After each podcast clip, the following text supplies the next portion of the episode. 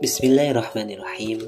Pada kesempatan hari ini saya akan membahas mengenai karena cinta artinya menjaga.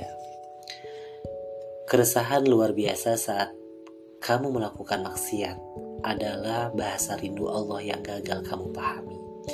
Jika kita berbuat kesalahan sedikit tapi langsung ditegur seolah-olah sudah membuat kesalahan sebukit, jangan kesal.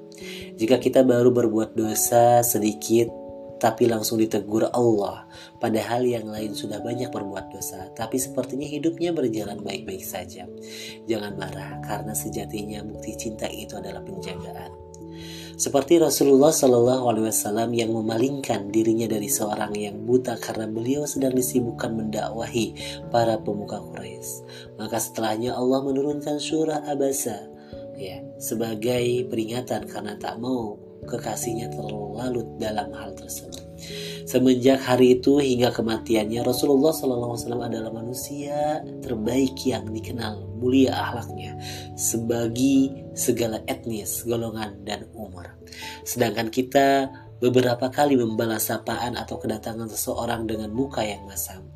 Berapa kali mengabaikan seseorang hanya karena merasa ia tak sepadan dengan diri kita. Berapa kali kita merendahkan manusia lainnya karena cinta artinya menjaga. Maka ketika peringatan itu datang dari mana pun arahnya, terimalah dengan hati yang lapang. Itu adalah salah satu bukti bahwa Allah tak mau kau terperosok dalam lubang kenestapaan walau hanya seujung kuku. Cinta yang baik itu menjaga diri kita tetap dalam kebaikan. Cinta yang baik itu tidak membuat kita terjerumus ke dalam keburukan. Jika Allah mencintai kita sebagai seorang hamba, Dia akan menjaga diri kita.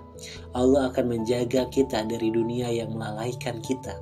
Allah akan menjaga kita dari dosa yang akan menghancurkan kehidupan kita, karena cinta artinya menjaga.